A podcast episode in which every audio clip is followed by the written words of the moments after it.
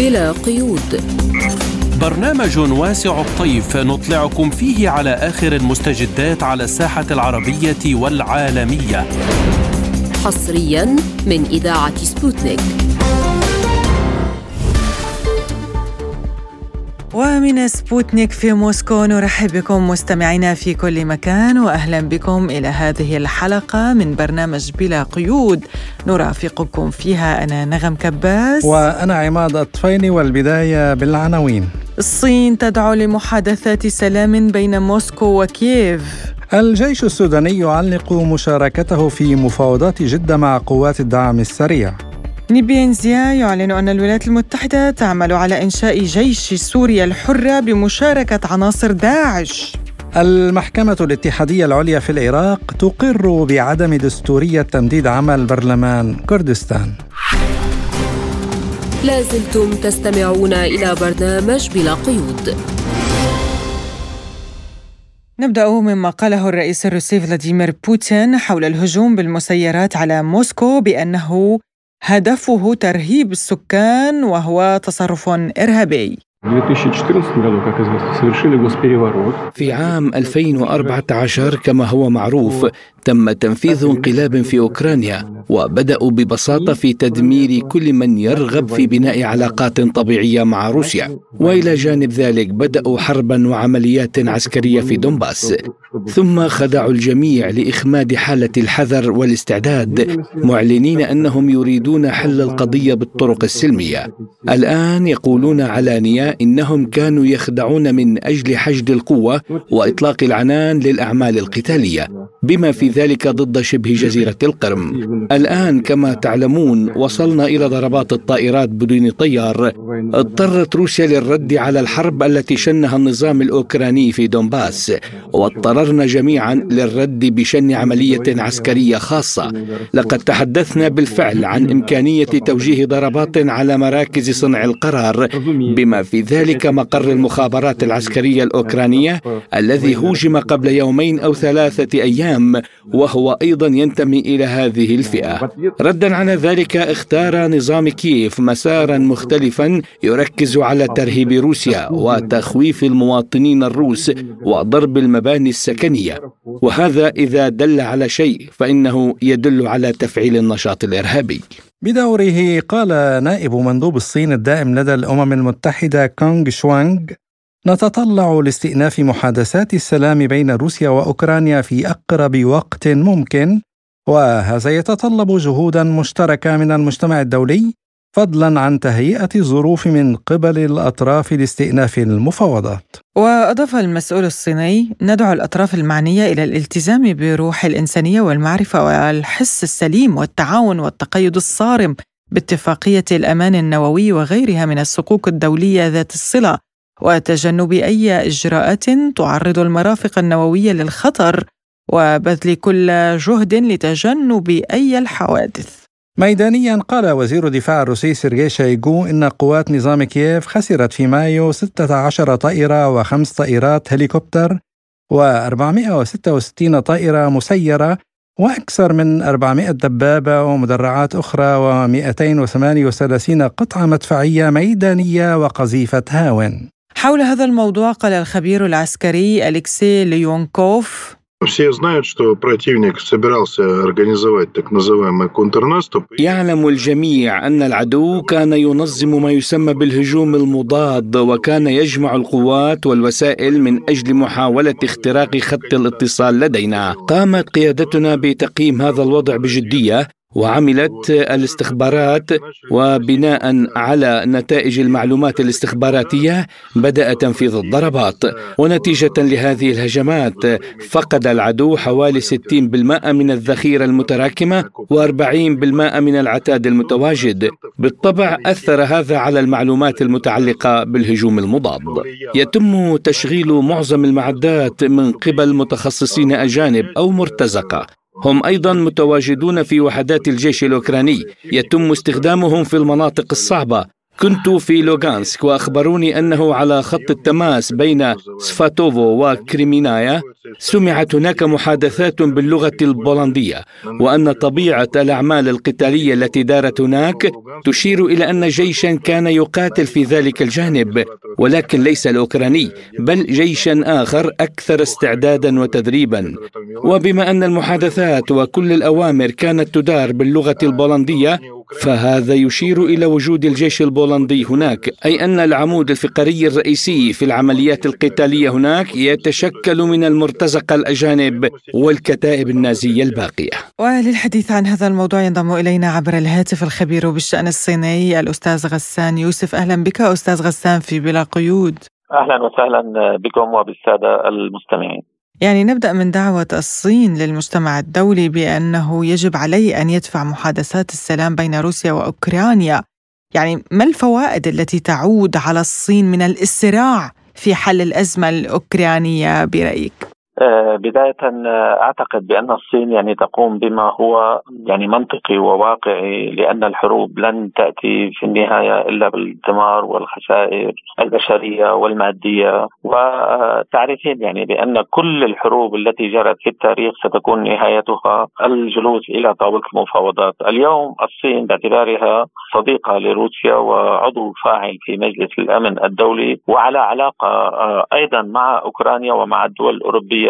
تستطيع أن تقوم بهذا الدور وهي تنطلق يعني من المنافع الاقتصادية التي يمكن أن تعود على الصين بداية وعلى آه، العالم بشكل آه، أجمع. وهي تعرف بأن الولايات المتحدة يعني تحاول أن تستغل هذه الحرب لاستنزاف البلدين يعني استنزاف روسيا واستنزاف أوكرانيا وأيضا أوروبا آه، ولذلك تعرفين بأن الصين يعني عندما جاء الرئيس شي جين بينغ أطلق مبادرة الحزام والطريق ووصلت البضاعة آه، الصينية عبر القطارات إلى آه، كل العواصم الأوروبية. ولذلك هم يرون بأن هذه الحرب اصبحت يعني عائقا في سبيل النمو الاقتصادي ونمو التجارة مع أوروبا.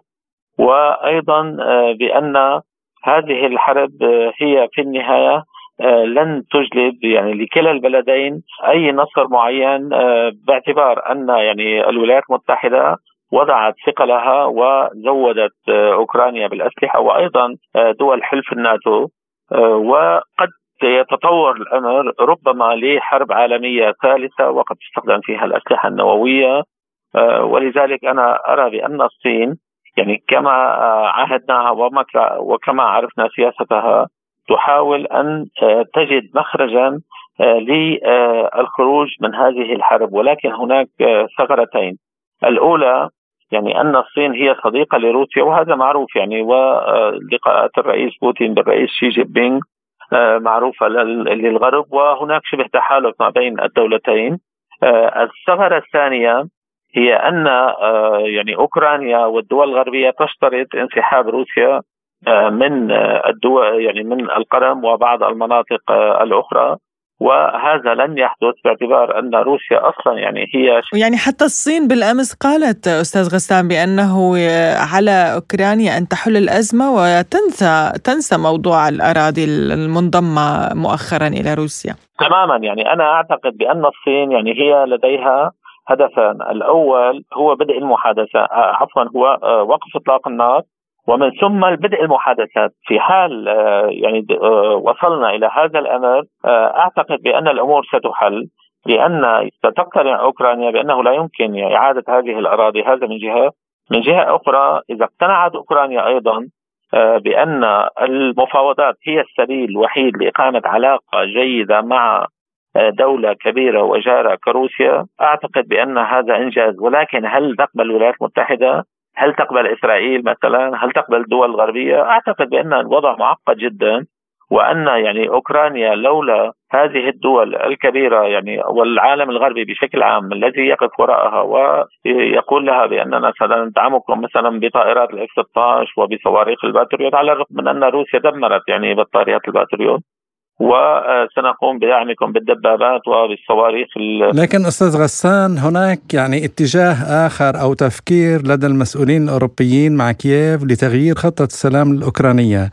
يعني برأيك هل هذا يعني أن أوروبا خاب أملها من نظام كييف؟ أنا برأيي يعني هذا الموضوع موجود والأوروبيين يعني هم آه، بصراحة لا يثقون يعني بنظام كيف ولا بزيلينسكي ويعتبرونه يعني ضعيف. ولكن يعني آه، أنا أعتقد بأن يعني آه، أصبحت أوروبا تعي بأن هذه الحرب ستنعكس سلبا يعني على الوضع المعيشي في يعني في أوروبا. أيضا ستنعكس امنيا على أوروبا وأن عدم الاستقرار أيضا يعني في أوكرانيا سينعكس على كامل القارة الأوروبية. ولذلك لاحظ يعني بأن الدول الأوروبية لولا يعني أن يكون هناك نفوذ أمريكي واضح عليها لكانت هي التي نشدت يعني السلم مع روسيا. ولاحظنا يعني هذه الأصوات انطلقت من فرنسا وألمانيا وحتى المملكة المتحدة بأنه لا يمكن هزيمة روسيا ولا بد من الجلوس مع روسيا ولا بد من التفاهم مع روسيا ولذلك يعني نلاحظ كلما اقترب آه،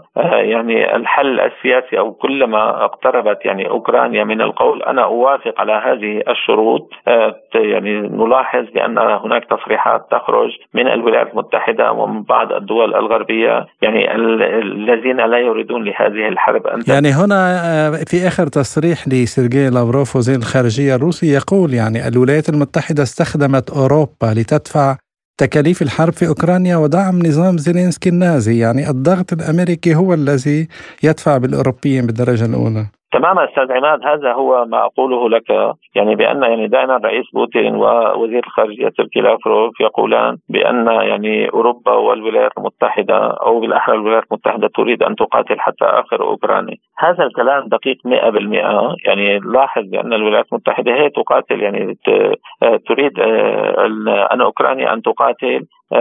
لأمد طويل يعني ليس فقط أن تكون حرب محدودة أو أن تعلن مثلا كيف رضوخها للشروط الروسية آه، وقبولها بهذه الشروط والقول بأننا آه، سنتفاوض وربما يكون هناك حل سياسي أو نقبل مثلا بالمبادرة الصينية، هم لا يريدون هذا، هم يريدون أن يكون هناك حرب بالوكالة مع روسيا تقوم بها أوكرانيا ويكون عمادها يعني الشعب الأوكراني وأيضا المرتزقة الذين يأتون من كل مكان في العالم. وتعرف يعني الولايات المتحدة آه، هي تحارب بالمرتزقة. يعني حاربت بهم في سوريا في ليبيا في أذربيجان في كل مكان.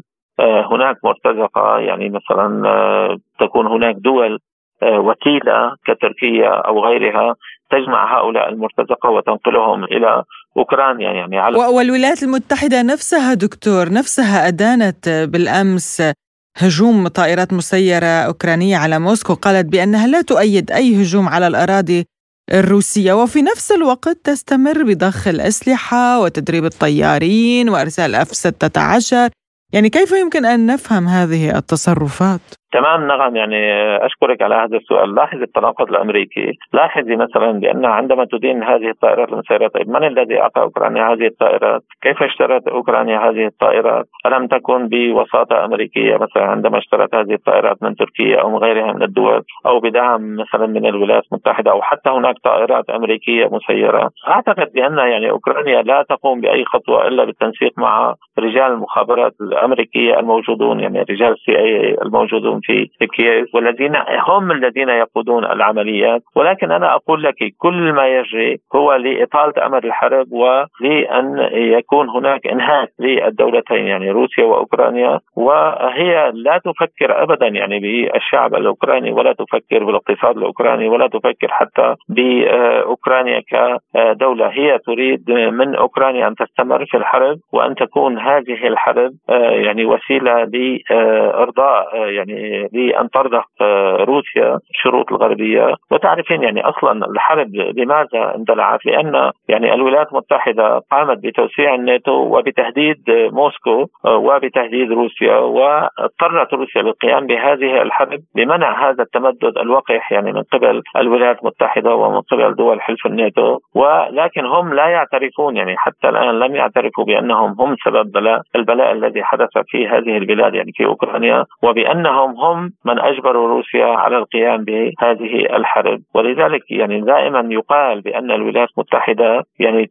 هي التي آه، تقوم ب آه، يعني إشعال فتيل الأزمات ولكنها هي تنكفئ عن الحلول عن حلول الأزمات. لا بالعكس تسعر آه، الأزمات وتسعر الحروب وتترك الآخرين يتقاتلون فيما بينهم. وهذا معروف يعني عن سياسة الولايات المتحدة في كل مكان تواجدت به. لاحظي مثلا كيف انسحبوا من أفغانستان وتركوا يعني مثلا طالبان تحكم على الرغم من أنهم هم ذهبوا إلى هناك ليحاربوا طالبان ولكن يعني الاتفاقيات التي السرية التي جرت ما بين الولايات المتحدة وطالبان ولكن اليوم البيت الأبيض أيضا دكتور هناك آه، مشكلة يواجهها هي صفقة آه، عفوا سقف الدين الوطني. يعني آه، يقول البيت الأبيض بأن ذلك لن يؤثر على المساعدة المالية لكييف. يعني لن يؤدي ذلك ربما إلى حركة احتجاجية في الولايات المتحدة. هي لا تستطيع سداد ديونها ولكن تستطيع دفع ميزانية ضخمة على إمدادات الأسلحة لكييف. هذا صحيح نعم ولكن لاحظي بأن الولايات المتحدة دائما يعني ميزانية الخزانة الأمريكية التي المخصصه لإشعال الحروب ليس فقط لدعم الحروب لإشعال الحروب هي ميزانية كبيرة ودائما هذه الميزانية تأخذها الولايات المتحدة يعني من نهب الدول التي مثلا يكون لها وكلاء بها أو تحتلها بشكل مباشر. ولذلك هم مثلا آه، لاحظي انهم يركزون على المناطق التي آه، تحوي ثروات كبيرة. يعني امس سمعنا تقريرا مثلا بأنهم أخذوا الكثير من السيليكون والذهب وغير ذلك من أفغانستان وأنهم قاموا بجرد لأفغانستان يعني شبرا شبرا لمعرفة الثروات الباطنية التي التي آه، يعني يحتفظ بها هذا البلد، أيضا في سوريا في المنطقة الشرقية يبحثون عن السيليكون ويبحثون عن النفط ويبحثون عن القمح وكل شيء، ولذلك هم دائما يعني يمولون أنفسهم من خلال يعني أموال الشعوب ومن خلال نهب الشعوب. وأيضا من خلال لاحظي مثلا الرئيس فلاديمير بوتين ماذا قال؟ قال بأن يعني الولايات المتحدة طبعت آه، من الدولارات ما لم تطبعه في خلال أزمة كورونا. وأنا أعتقد يعني بأن يعني هذه الطباعة هي أيضا لتزويد أوكرانيا وتزويد غيرها. يعني ما لم تطبعه في آه، يعني ما قبل أزمة كورونا قال منذ بدء طباعة الدولار. تصور يعني هذا الحجم المهول لاستخدام الدولار كعملة للابتزاز على الرغم من أنهم هم الذين يطبعون هذا الدولار. ولذلك يعني سمعت الرئيس الأسد قال بأن عندما سألوه عن عالم متعدد الأقطاب قال طالما بقيت الولايات المتحدة متحكمة بالدولار فأعتقد بأن يعني لن نصل إلى عالم متعدد الاقطاب وهذا صحيح. يعني لاحظي بأن كل العالم اليوم يعمل ليلا نهارا من أجل أن يحصل على الدولار والولايات المتحدة بكبسه زر تطبع مثلا ملايين دولارات. لاحظي هذا يعني لاحظي هذه اللمسة الإنسانية يعني كيف الناس تتعب وتشقى والولايات المتحدة فقط بكبسه زر تستطيع أن تشتري كل شيء من هذا العالم بهذه العملة. ولذلك أعتقد بأن اليوم الحرب على الدولار التي أطلقتها كل من روسيا والصين هي حرب يعني حقيقية وهي حرب محقة لجميع شعوب العالم ليس فقط الصين وروسيا نعم أستاذ غسان هناك تصريح لمدير عام الوكالة الدولية للطاقة الذرية رافائيل جروسي يقول الوضع حول محطة زاباروجيا خطر ولا يجب استهدافها يعني هل هناك تخوف مثلا لدى الوكالة الدولية من أن يلجأ آه، نظام كييف لاستخدام هذه المحطة كوسيلة للضغط على موسكو مثلا؟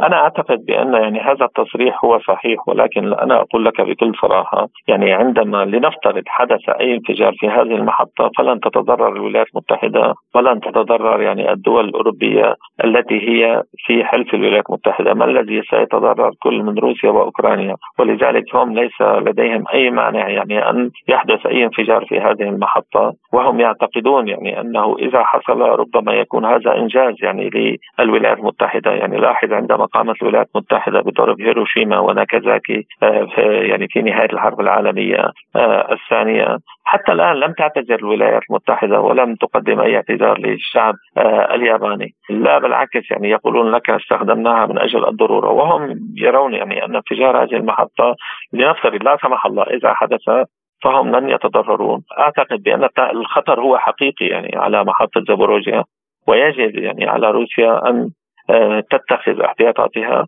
لأن الولايات المتحدة ربما هي من ستقوم بتفجير هذه المحطة والقول بأن الضرر سينعكس على كل من أوكرانيا وروسيا. نعم ولكن أيضا اليوم هناك شكوك بوجود أسلحة آه، ضمن زاباروجيا حسب ما يقول أيضا جروسي يعني هل يمكن لدول آه، أن تتدخل في حال هاجمت القوات المسلحة الأوكرانية المحطة مثلا أو ربما أن تعمل هذه الدول كضامن للأمن في تلك المنطقة. هل هناك ربما يعني دول مرشحة لتكون ضامن للأمن في تلك المنطقة؟ روسيا أعتقد أنها ليس لديها مانع بأن تكون المحطة تحت سيطرة آمنة بالدرجة الأولى وألا يكون هناك مخاطرة بحياة المدنيين. هذا صحيح نعم ولكن هاتي لي آه، دول محايدة دول تثق بها روسيا. يعني هل تثق روسيا مثلا بدول حلف الناتو؟ من الذي سيحمي هذه المحطة؟ من هي الدول التي ستقوم بحماية هذه المحطة؟ من هي الدول المحايدة؟ أنا أقول لك بأن يعني بأن الولايات المتحدة هي التي تسعر الموقف حول زبروجيا هي التي تسعر الموقف حول هذه المحطة. هي التي تريد ربما تفجير المحطة. ولذلك أنا أعتقد بأن واتهام روسيا يعني. نعم نعم. واتهام روسيا والقول بأن روسيا تسببت بكارثة نووية وغير ذلك آه، وإلى ما هنالك. ولذلك هم لاحظي يعني مثلا هم خطط الخطط الأمريكية لاحظي مثلا في الأفلام التي يقومون بصناعتها آه، والتي يعني تتحدث عن الخطط الأمريكية ل 20 سنة في 50 سنة لاحظي أنهم مثلا آه، لديهم أفلام بأنهم نزلوا إلى موسكو واحتلت القوات الأمريكية. موسكو ومن ثم قامت بتفكيك الأسلحة النووية والحصول على الزر النووي وغير ذلك. ولذلك هم يعني الأسلحة النووية الروسية هي هدف للولايات المتحدة وهي تعتقد بأن بأن روسيا يجب أن لا تمتلك السلاح النووي وأيضا الصين وأيضا كل دول العالم. فقط يعني من يمتلك الأسلحة النووية هو الولايات المتحدة وإسرائيل. ولذلك يعني هذه ما نراه اليوم يعني هو جزء من المخطط طويل الأمد آه، للوصول إلى الأسلحة النووية الروسية وغير ذلك. آه، ولذلك يعني أعتقد بأن روسيا تعرف يعني ماذا تخطط الولايات المتحدة وتعرف يعني مدى المراوغة التي تتبعها الولايات المتحدة سواء آه، في الحديث عن المحطة النووية أو في الحرب الأوكرانية. ولذلك أنا أعتقد بأن المبادرة يعني نعود للموضوع الأساسي الذي تكلمنا عنه بأن المبادرة الصينية إذا استطاعت أن تصل إلى يعني وأنا اشك بأن العالم الغربي لن يتعا لن يتعاون مع الصين يعني الوصول إلى وقف إطلاق النار ومن ثم بدء المفاوضات في حال وصلنا إلى هاتين النقطتين. نستطيع أن نقول بأن الحرب الاوكرانيه الروسيه وضعت أوزارها وبأن آه، أوكرانيا ستقبل بالشروط الروسية ولكن يبقى العامل الغربي هو العامل الحاسم وهو الذي يشجع يعني آه، زيلينسكي على الاستمرار في الحرب. الخبير في الشأن الصيني والدولي غسان يوسف كنت معنا من دمشق شكرا جزيلا لك أستاذ غسان. شكرا لك أستاذ عماد وشكرا للزميل أنا. لازلتم تستمعون إلى برنامج بلا قيود. وإلى الملف السوداني حيث أفاد مصدر عسكري سوداني رفيع المستوى لسبوتنيك بأن وفد الجيش السوداني علق مشاركته في المفاوضات مع قوات الدعم السريع في جدة السعودية. وأضاف المصدر أن وفد القوات المسلحة السودانية علق المفاوضات بوساطة سعودية وأمريكية في جدة. وللتعليق على هذا الموضوع يقول الخبير في الشأن السوداني أحمد جمعة لبرنامجنا. للأسف الهدنة التي آه، أقرت آه، من قبل الجانب الأمريكي والجانب السعودي منذ أكثر من أسبوع لوقف إطلاق نار وإدخال المساعدات لم تصمد كثيرا بسبب سلوك آه، قوات الدعم السريع التي لم تلتزم بأي من بنود الاتفاق وواصلت هذه القوات الهجوم. عدد من المنازل الخاصة بالمواطنين خرق الهدنة إطلاق النار محاولة السيطرة على مواقع جديدة وفرض واقع عسكري جديد مما دفع قوات الجيش السوداني للتصدي لهذه التحركات والعمل على وحدها والتأكيد على ضرورة رصد هذه الخروقات. من غير المقبول أن أدخل في مفاوضات هذا ما يراه الجيش السوداني. من غير المقبول أن أدخل في مفاوضات وهذه المفاوضات لا يلتزم بها الجانب الآخر وهذا يشكل عبئا على الضامن الذي طرح هذه الهدنة ليضغط على قوات الدعم السريع للقبول بهذا الأمر. تابعنا وشاهدنا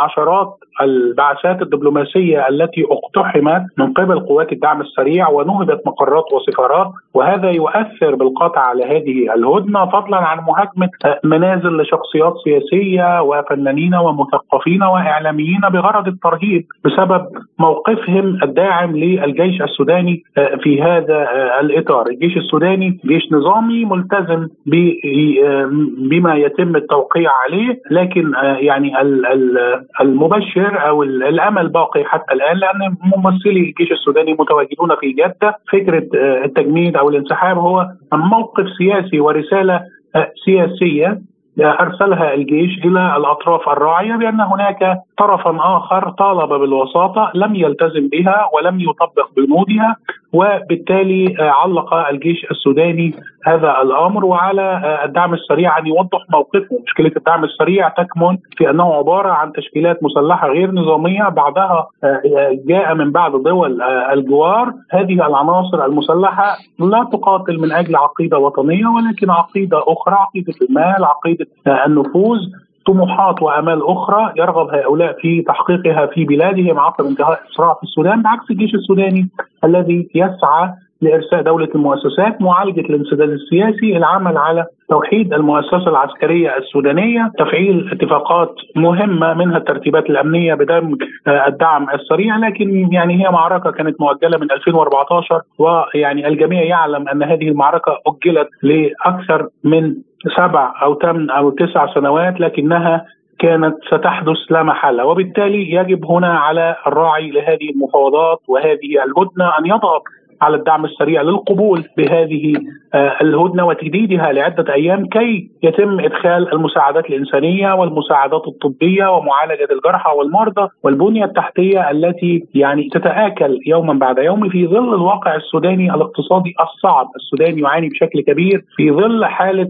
يعني مخاض سياسي عسير لم ينجح السودانيين من خوضه بشكل كامل وتجاوزه وبالتالي يجب العمل على تثبيت هذه الهدنة، تجديدها، السماح بدخول المساعدات، الضامن لابد أن يقدم الراعي لهذا الاتفاق الضمانات الكافية لكافة الأطراف وأن يضغط على الطرف الذي لا يلتزم بهذه الهدنة ويبدو أن الدعم السريع موضون في هذا الأمر لأن كما قلت واسلفت هي عبارة عن كتائب غير نظامية لا تلتزم بأوامر قيادة عسكرية محددة وإنما هي تنتمي لشخصية بعينها تقودها. وعن بيان قوات الدعم السريع في السودان والتي أكدت دعمها للمبادرة السعودية الأمريكية والتزامها بالهدنة التي تعطلت بسبب خروقات متعددة من قوات لحميدتي يقول جمعة. يعني هي حجج واهية وأرى أن يعني كل طرف الطبيعي أن كل طرف يلقي باللوم على الطرف الآخر في أي خرق يحدث للهدنة لكن الدعم السريع يعني واضح نواياها وتحركاتها التي تمت حتى الذرائع التي يتم الترويج لها بأن هناك عناصر من النظام القديم أو النظام السابق هي المتورطة في هذا الأمر هي التي تقود الجيش. كل هذه حجج واهية ما ذنب المدنيين أو السياسيين المسؤولين أو الإعلاميين أو المثقفين الذين يتم مهاجمة منازلهم ونهبها وسرقتها والعبث بمحتويات المقار الدبلوماسية والبعثات الدبلوماسية، اذا أنت لا تسيطر على هذه العناصر التي تقاتل معك، الرصد الكبير الذي جاء في المملكة العربية السعودية أو الولايات المتحدة الأمريكية في البيان المشترك يؤكد أن الدعم السريع هو الأكثر خرقا وأن ما قام به الجيش هو ردة فعل على هذا الأمر وردة فعل على هذه على هذا السلوك وبالتالي يجب أن تعمل الأمم المتحدة اولا والأطراف الراعية ثانيا والأهم من ذلك هي دول الجوار السوداني على وضع رؤية موحدة للاتفاق على معالجة هذه الأزمة الكبيرة التي يعاني منها السودان والتي سيكون لها ارتدادات خطيرة على دول الجوار. العمل على بناء إجراءات الثقة ما بين الأطراف السودانية العسكرية وقف الحملات الإعلامية وحالة التخويف العمل بشكل كبير على الرسالة الإنسانية إدخال المساعدات الطبية إدخال المساعدات الغذائية يبقى يعني بيت القصيد وهي التدخلات الخارجية أحد أبرز العناصر التي أسكت هذا الصراع وعمقته وعززته بين الأطراف الليبية.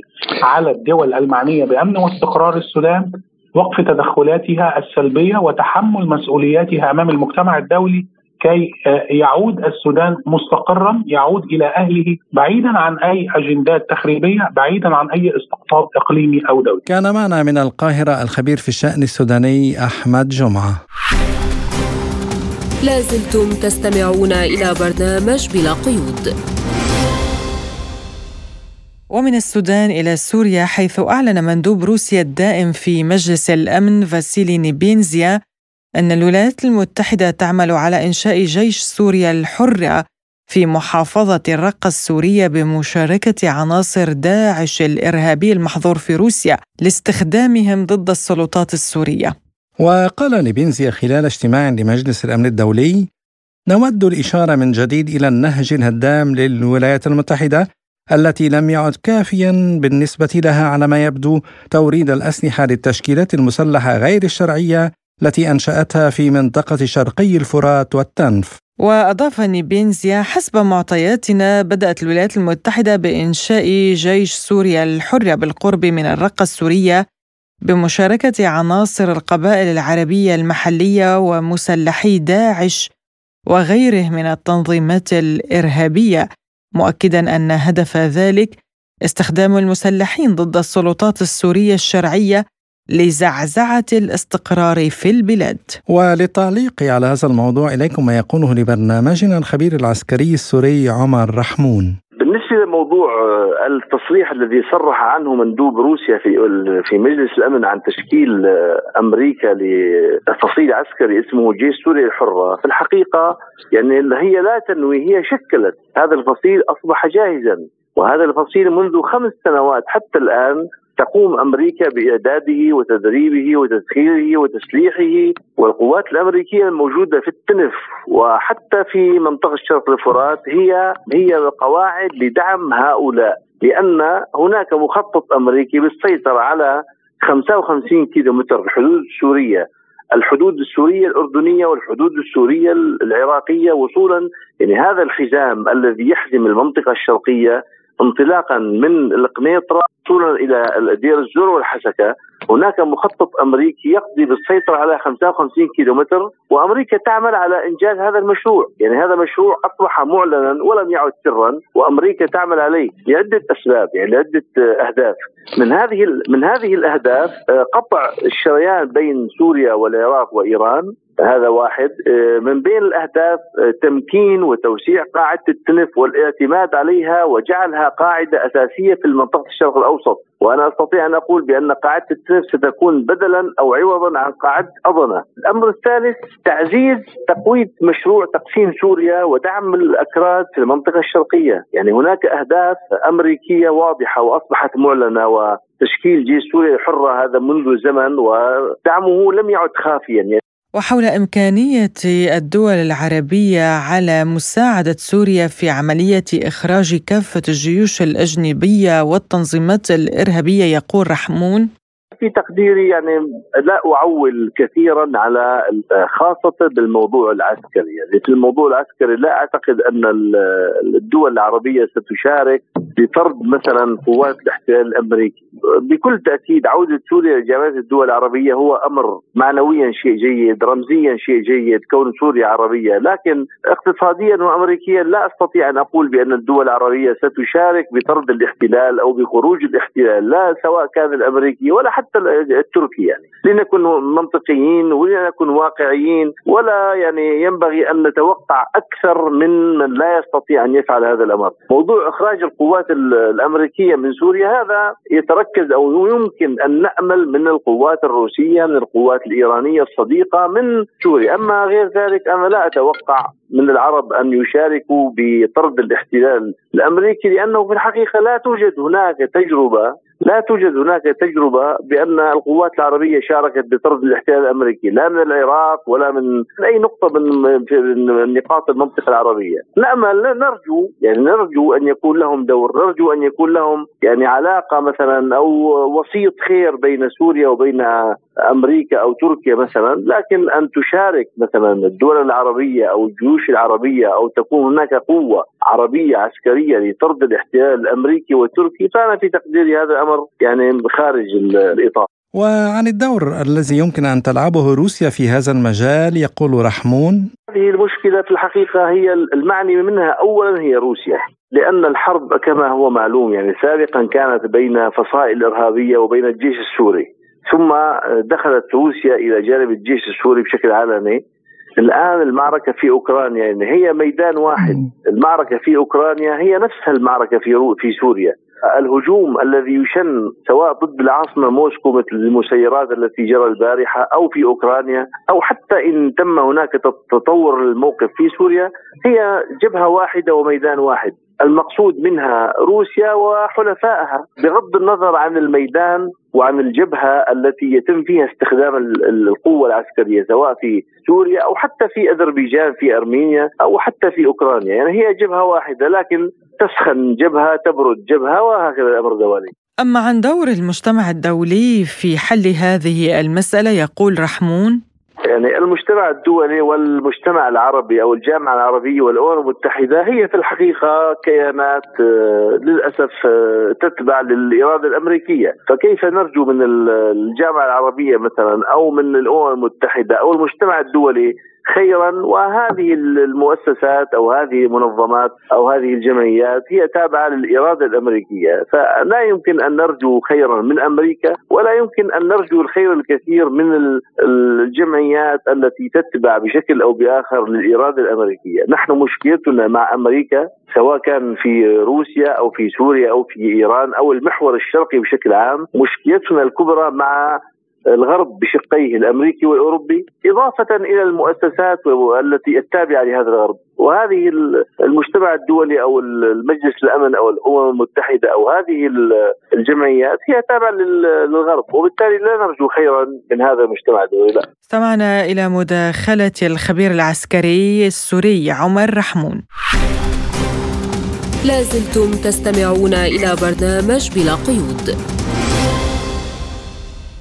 أصدرت المحكمة الاتحادية العراقية العليا قرارا بعدم دستورية تمديد عمل برلمان كردستان لعام إضافي بعد أن مدد البرلمان عمله خلال العام 2022 وأعلن رئيس المحكمة الاتحادية العليا جاسم محمد عبود أن المحكمة قضت بتصويت الأكثرية بعدم دستورية قانون استمرار الدورة الخامسة في برلمان كردستان العراق رقم 12 لعام 2022 الصادر عن برلمان كردستان العراق في التاسع من أكتوبر من العام الماضي. وللتعليق على هذا الموضوع يقول الخبير في الشأن العراقي الأستاذ كامل الكناني لبرنامجنا. بالحقيقة هو ليس صراع بين الحكومة المركزية والحكومة الاتحادية ولكن حكومة الأقليم في كردستان تتجاوز الكثير من السياقات القانونية والدستورية المعقولة والحاكمة في العراق. يعني لا يمكن لدولة في العالم أن تمدد برلمانها وتعطيه الشرعية ثم تعطيه شرعية آه، تشريع قوانين آه، بعد أن تلغي الانتخابات أو تؤجلها. من الناحية الواقعية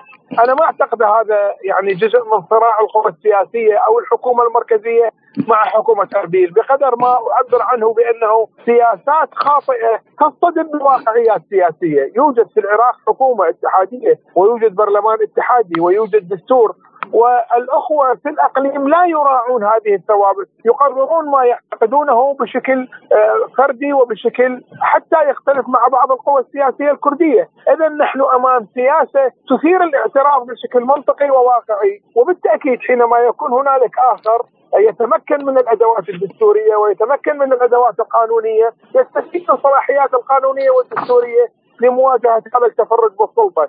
مثلها عمليات تصدير النفط بدون مجوز حكومي بدون توافق حكومي. مثلها تنظيم عقود خدمة مع شركات أجنبية تلزم الدولة العراقية بديون كبيرة. الآن الدولة العراقية لا تلتزم بالديون التي تقرها الشركات الأجنبية من خلال التعاقد مع حكومة الإقليم لأن حكومة الإقليم تتصرف بشكل منفرد. فالقضاء العراقي والمحكمة الاتحادية ومجلس النواب العراقي والحكومة الاتحادية تصدر قرارات ترفض به هذه السياسة الفردية التي يقوم بها الحزب الديمقراطي الكردستاني. وعن سبب توقيت اتخاذ مثل هذا القرار من قبل المحكمة العراقية يقول الكناني. يعني رفعت دعوة للمحكمة الاتحادية ونظرت المحكمة الاتحادية ومن الطبيعي أن هذه الأمور يعني لا تجري بسرعة. يعني هي أمور تخضع لتحقيق وبحث وآراء مستشارين قانونيين. صدور القرار بهذه الفترة الزمنية لا يعتقد أنه من الناحية العملية تأخر على مسافة مخلة. بشرعيته وقوته أنا أعتقد أمر طبيعي جدا أن مثل هكذا قرارات تأتي ربما متأخرة قليلا ولكنها تأتي وهي ممكن أن تتوقعها يعني أنا أتمنى من الأخوة القيادات الكردية أن يتوقعوا أن هنالك رفض لقراراتهم حينما يقرروا أن يتصرفوا بشكل منفرد خارج السياقات الدستورية. الآن القرار الآخر احتمال هو إخضاع آه، انتخابات الإقليم إلى المفوضية الاتحادية لأنهم يرفضون يشكلوا المفوضيه ويرفضون إجراء انتخابات ويتصارعون سياسيا فيما بينهم فتتعطل العملية، ربما يكون البديل هو أن تكون أن تجرى هذه الانتخابات تحت مظلة الحكومة الاتحادية والمفوضية الاتحادية. وعن كيفية رد حكومة وبرلمان كردستان على هذا القرار يقول الكناني الحكومة المحلية تهاجم القضاء العراقي وتهاجم المحكمة الاتحادية وتهاجم من يختلف معها ولديهم أبواق تتحدث بشكل يعني دون المستوى المحترم عن كل ما يختلف معهم للأسف يعني ولكن آه، المواطن العراقي والمواطن في أقليم كردستان يلاحظ يعني قوى سياسية رئيسية في أقليم كردستان تدعم قرارات الحكومة الاتحادية والمحكمة الاتحادية والبرلمان العراقي وتقول أن هذه قرارات لصالح المواطن الكردستاني. فإذا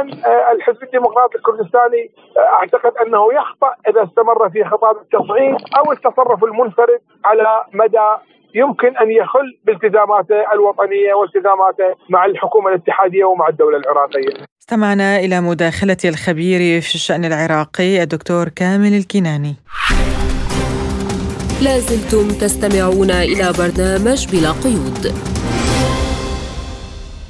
ومن السياسة إلى الاقتصاد إذ قال دمتري شتانوف رئيس لجنة التعاون الاقتصادي الخارجي في تصريح خاص لسبوتنيك إن اللجنة الحكومية الدولية لروسيا والجزائر تبحث آلية لتحويل الأموال بين بنكي البلدين وإمكانية الربط بنظام تحويل المراسلات المالية لبنك روسيا. وأوضح أنه في الوقت الحالي الصادرات الرئيسية المتجهة إلى الجزائر هي الأسمدة الروسية وأن آلية التفاعل بين البنوك أي التحويلات المالية لم يتم وضعها بالكامل الآن يتم حل هذه القضايا من قبل لجنة حكومية دولية. ولمناقشة هذا الموضوع ينضم إلينا عبر الهاتف من الجزائر الخبير الاقتصادي الدكتور عبد القادر سليماني. أهلا بك دكتور في بلا قيود.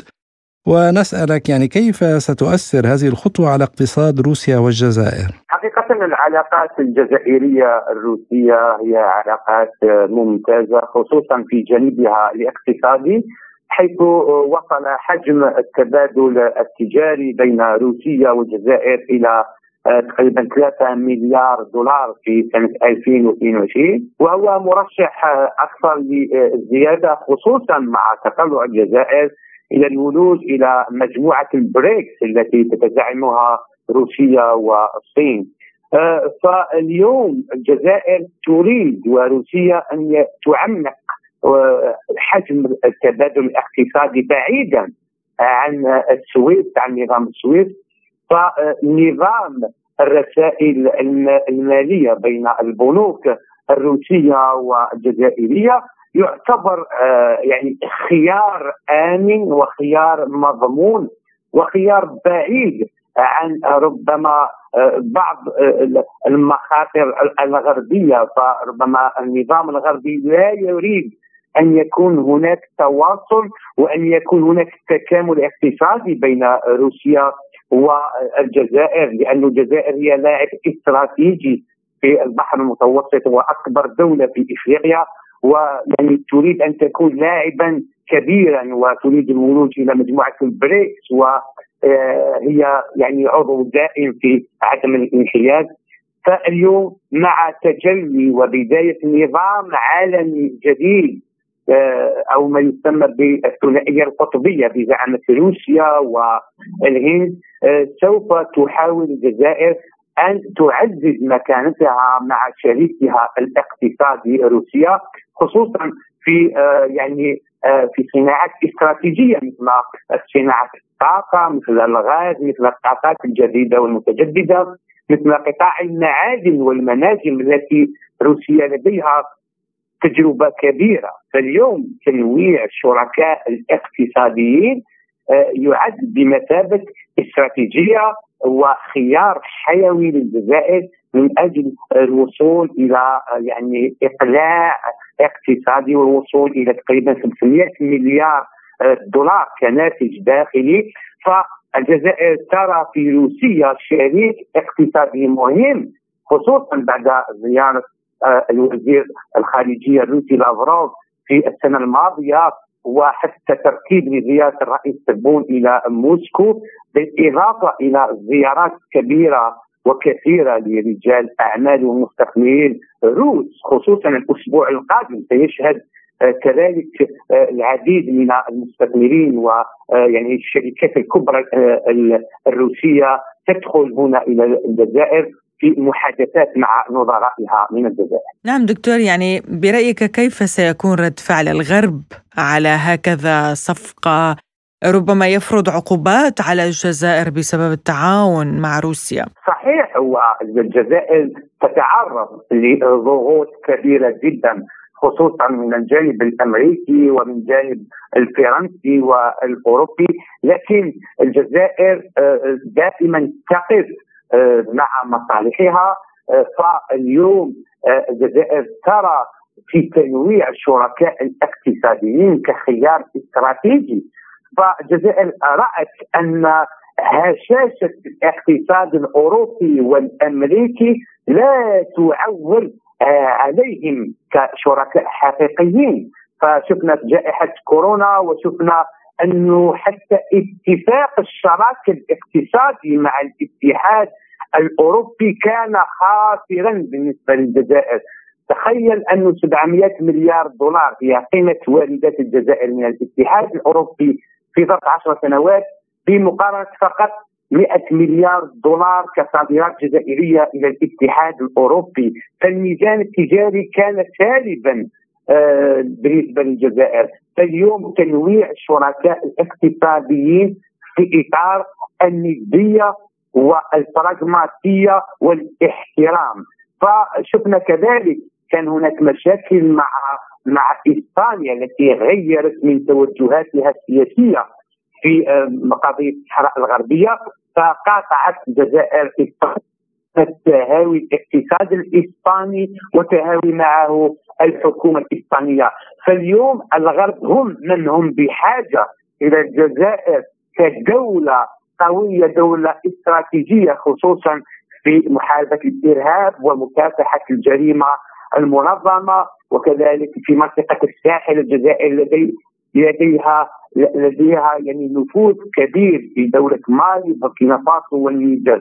فاليوم الجزائر ترى إلى يعني تنويع شركائها الاقتصاديين خصوصا الجانب الروسي والصيني كخيار لا بديل عنه من أجل آه، توطين الإنتاج جزائريا والدخول إلى المنطقة التبادل الحر الإفريقية والعربية. الجزائر هي عضو مهم في الاتحاد الإفريقي وفي كذلك الاتحاد يعني جميع الدول العربية. والجزائر تعتبر أكبر ضامن للأمن الطاقوي والغازي لأوروبا. فبعد مقاطعة أوروبا للغاز الروسي اتجهت مباشرة إلى الجزائر.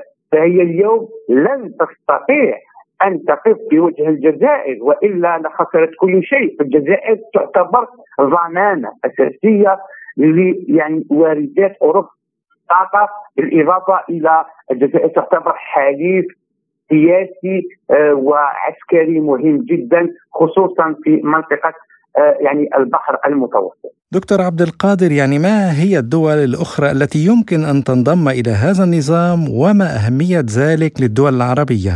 صحيح كل الدول تقريبا آه، التي تريد أن يكون لديها اقتصاد قوي وبعد تهاوي ما يسمى بمصطلح مصطلح البترودولار خصوصا السعودية التي من اليوم فصاعدا يعني آه، أصبحت تتعامل مع روسيا ومع الصين بالروبل وباليوان وكذلك إيران التي تعتبر من أكبر الدول المصدرة للنفط بالاضافه إلى دول قوية في إفريقيا والدول العربيه ودول من آسيا الوسطى تريد أن على الأقل يكون هناك توازن في القطبيه الثنائية وأن تتعامل بكل حرية وأن تنجو من العقوبات الأمريكية والغربية في كل مرة.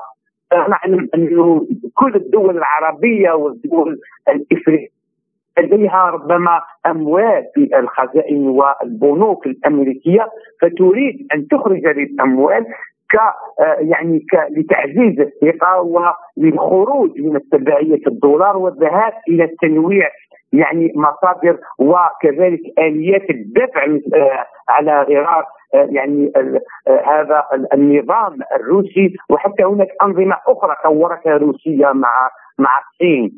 فاليوم نشهد بوادر وتقوية أنظمة ومجموعات اقتصادية وسياسية مثل مجموعة البريكس.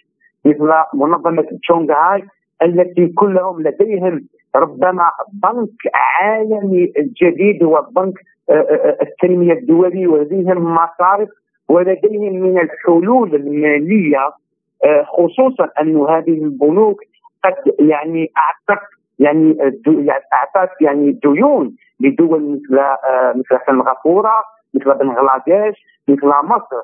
فالدول الإفريقية والدول العربية والدول الآسيوية تريد الخروج من كلاسيكية الدولار وكلاسيكية الدفع عن طريق السويس إلى يعني آه، أنظمة مالية وأنظمة دفع أكثر أمان وأكثر آه، يعني آه، حرية ولا في كل مرة تخرج من الترهيب الأمريكي في أن يتم حصار وربما حصار هذه الأموال الموجودة في البنوك الأمريكية مثل ما فعلت لأموال العراق ولأموال إيران ولأموال روسيا.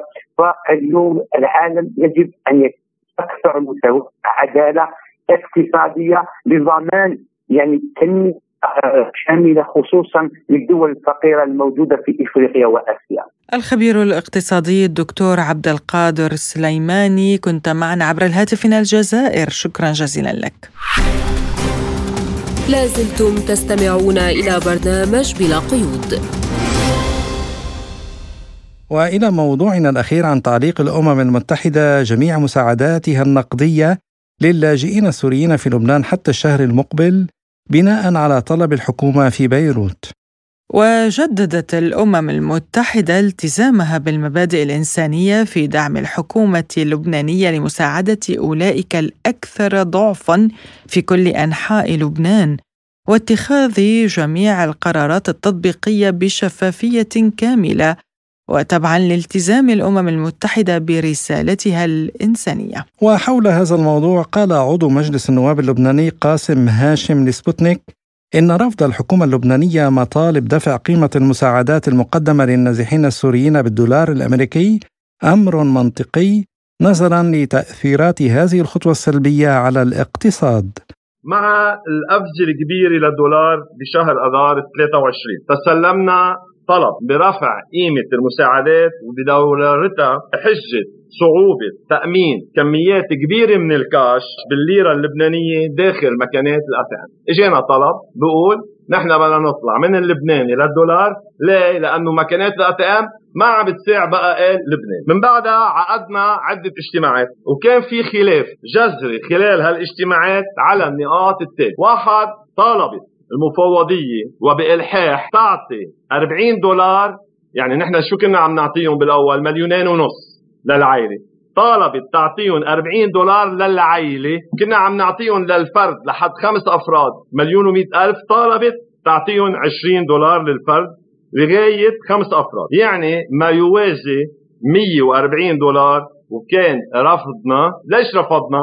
رفضنا لعدة أسباب. أول شيء تخيلوا أنه هالمبلغ أكبر بكثير من راتب موظف فئة أولى بالقطاع العام. في كثير موظفين بيتمنوا يوصل راتبهم لهالرقم ونحن قطاعنا العام كان بهالفترة الحوار ولا يزال لليوم شبه مشلول وأضراب. أنتم بتعرفوا القطاع العام كله بلبنان مأضرب. ليه؟ لأنه عم بفكر يدولر عم بفكر أنه يحصل على هالليرة اللي بتعيشه. وسمعتوا أصوات كثير بهذا الاتجاه. ثاني شغلة نحن رفضنا لأنه الرأي العام اللبناني بأغلبيته رافض للنزوح السوري بلبنان وعم بيقارن بين المساعدات المختلفة يلي عم بيحصلوا عليها النازحين وبين المساعدات البسيطة يلي عم بيحصلوا عليها اللبنانيين. بالبداية أنا قلت أنه في مساعدة نقدية في مساعدة بالتعليم في مساعدة بالصحة في عدة مساعدات نجي على اللبنانيين عنا لفئة معينة بيحصلوا على مساعدة نقدية لأنه الدفع بالدولار للنازحين السوريين بعزز بقائهم بلبنان. وبالتالي دمجهم بالمجتمع. لأنه العدد الأكبر من هالنازحين هن نازحين اقتصاديين ومنهم نازحين هربانين بسبب أوضاع أمنية وسياسية. رابعا رفضنا لأنه نحن عم نطالب بكل المحافل الدولية وبكل الاجتماعات يلي عم نقوم فيها لنحرك عجلة العودة مش عجلة البقاء مش عجلة الدفع بالدولار بأنه تندفع هالم... وعم نطالب بأنه تندفع هالمساعدات النقدية وين؟ بسوريا ليتحمسوا النازحين على العودة لأرضهم وبلدهم مش تيبقوا عنا لأنه أعدادهم تفاقمت وتفاقمت كثيرا والمفاجأة الأكبر أنه بيطلع علينا بيان بالإعلام موقع باسم المفوضية وباسم برنامج الأغذية العالمي والمنسق المقيم ومنسق المقيم ومنسق الشؤون الإنسانية بلبنان ب 24 أيار بيقول وهيدا موجود نص موجود فيكم ترجعوا له ونسلمكم إياه. بعد مشاورات حسيسة حفظتيها منيح. بعد مشاورات حسيسة مع كل النظراء المعنيين والرسميين في الحكومة اللبنانية والبنك المركزي في الأشهر الأخيرة.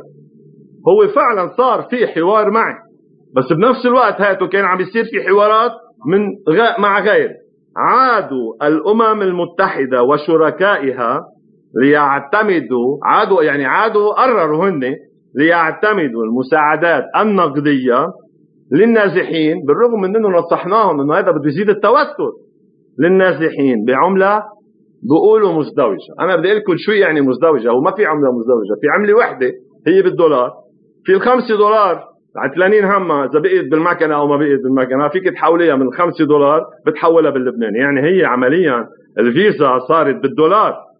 هيدا هو اللي بدي أقوله. يعني فيهم يسحبوا باللبناني وبالدولار. أنا بقول لكم فيهم يسحبوا المبلغ الأساسي بالدولار وبيبقى هالكسور بيسحبوه باللبناني. كانت هذه مداخلة النائب في مجلس النواب اللبناني قاسم هاشم. حول موضوع اللاجئين السوريين وطلب الحكومة اللبنانية من الأمم المتحدة تعليق المساعدات لهم لماذا يا عماد علقت المساعدات برأيك؟ بالدرجة الأولى من أجل يعني أولا آه، حتى يفكروا بالعودة إلى بلدهم أولا ثانيا يعني طلبت الحكومة اللبنانية وكل المسؤولين في لبنان من المنظمات الأمم المتحدة على أن يتم دفع هذه الأموال لهم في سوريا. آه، بعدين دفع الأموال بالدولار للنازحين السوريين سيشكل أيضا آه، شرخ للمجتمع اللبناني. يعني سيكون هناك توترات بين اللبنانيين والسوريين. أنه. الشعب اللبناني يعيش في أقصى وظروف مزرية ويرى النازح يعني يتجول ويتسرب بالدولار. طبعا هذا موقف غير إنساني كمان بالنسبة للبنانيين يعني. آه، هل يؤثر على الدولار مثلا أيضا؟ يعني ربما آه، الأمم المتحدة تعطي هذه المساعدات بالعملة الصعبة بالدولار الأمريكي. لا كانت في السابق تعطي هذه المساعدات بالعملة اللبنانية أو يمكن أن تقدمها لمنظمات إنسانية هي تستلم هذه الأموال بالدولار وتصرفها بالليرة اللبنانية وتعطي للنازحين.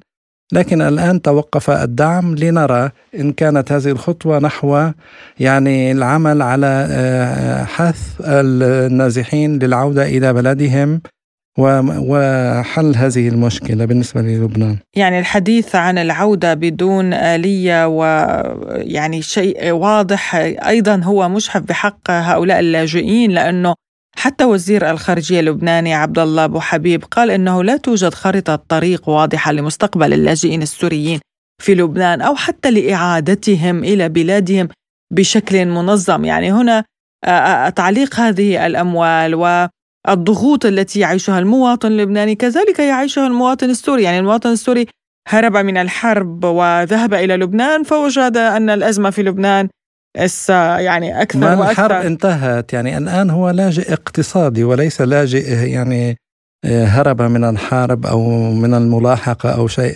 ثانيا الدولة السورية أعلنت على الملأ بأنها مستعدة لاستقبال كل النازحين والعمل على تسوية أوضاع المطلوبين وغيرهم خصوصا للمطلوبين للخدمة العسكرية وغيره. يعني من الجانب السوري كل شيء على ما يرام. وإلى هنا مستمعينا الكرام تنتهي حلقة اليوم من برنامج بلا قيود. كنا معكم فيها أنا عماد الطفيلي. وأنا نغم كباس. وللمزيد من المتابعة زوروا موقعنا الإلكتروني سبوتنيك Arabic dot ae وأيضا قناتنا على تليجرام سبوتنيك عربي. وشكرا لإصغائكم وإلى اللقاء. إلى اللقاء.